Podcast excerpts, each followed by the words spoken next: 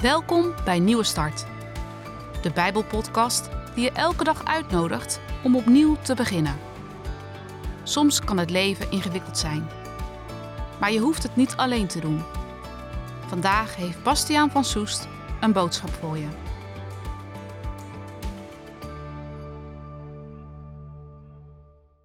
Ik eh, lees jullie een paar eh, versen uit Psalm 136. Loof de Heere, want Hij is goed, want Zijn goedheid is voor eeuwig.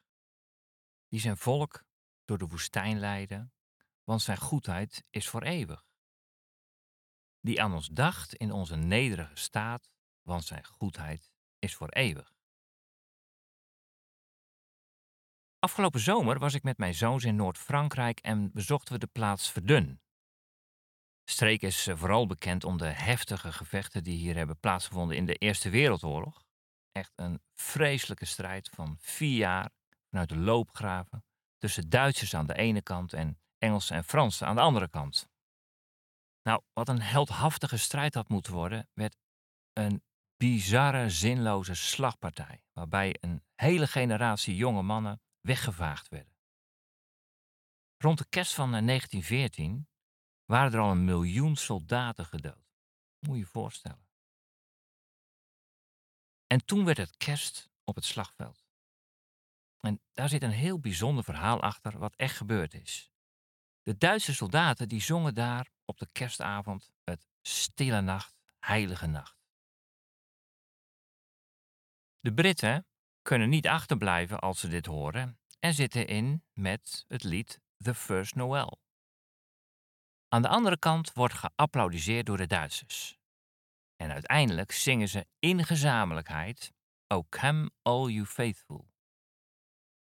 Twee naties in staat van oorlog die hetzelfde kerstlied zingen. De volgende dag brengen ze zelfs een bezoek bij elkaar. Een soort tijdelijke verbroedering. Ongelooflijk. Even was daar een werkelijkheid die deze oorlog oversteeg. God is goed. Hij kwam bij ons in de kwetsbaarheid van een kind. En hij laat zich niet in de loopgraaf trekken van één partij. Hij is er voor iedereen die hem wil ontvangen. Nou, volgens mij is dat ook de boodschap van de psalm die we net hebben gelezen.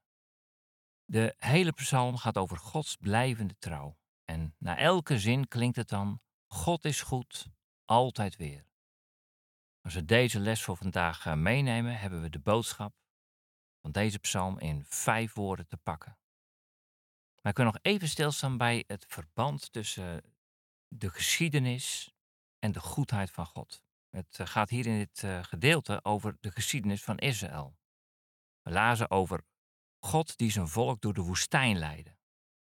Het is dat verhaal over het volk van Israël dat als slaaf werkte in Egypte en onder leiding van Mozes door de woestijn heen geleid werd naar het land Canaan Palestina. Een stukje geschiedenis van het Joodse volk. Ons leven is ook een geschiedenis. Sommigen praten er graag over en uh, anderen juist niet. Maar hoe dan ook, ons leven is een geschiedenis waar een boek over geschreven kan worden. Jouw leven en mijn leven. Zijn er dan ook momenten geweest dat je eh, Gods hand daarin hebt gezien in jouw leven? Wat we misschien ons niet realiseren, is dat God aan ons denkt. Ook als wij eh, voor Hem helemaal geen rol in ons leven zien weggelegd. Hij dacht aan ons in onze nederige staat, lazen we. God ziet ons ook als we Hem niet zien. Ik begon met dat verhaal over de kerst in 1914. In de kerstnacht een paar duizend jaar eerder werd God daadwerkelijk mens. En in Jezus ging hij deelnemen aan onze geschiedenis. Nou, zijn leven op aarde was echt niet makkelijk. Hij zegt daar zelf ergens over: de vossen die hebben een hol waar ze zich terug kunnen trekken. En de vogelen van de hemel die hebben een nest. Maar ik heb niets waar ik me hier thuis kan voelen. Maar wat Jezus wel deed, hij bleef trouw aan zijn missie. En hij dacht aan ons in onze nederige staat. Dank voor deze woorden uit Psalm 136, Heer. Geef dat uh, deze waarheid zo in ons DNA vastgeklonken zit. God is goed voor altijd. Want dat is toch wie u bent. Geef ons vandaag de moed en de kracht om ons aan u toe te vertrouwen. Amen.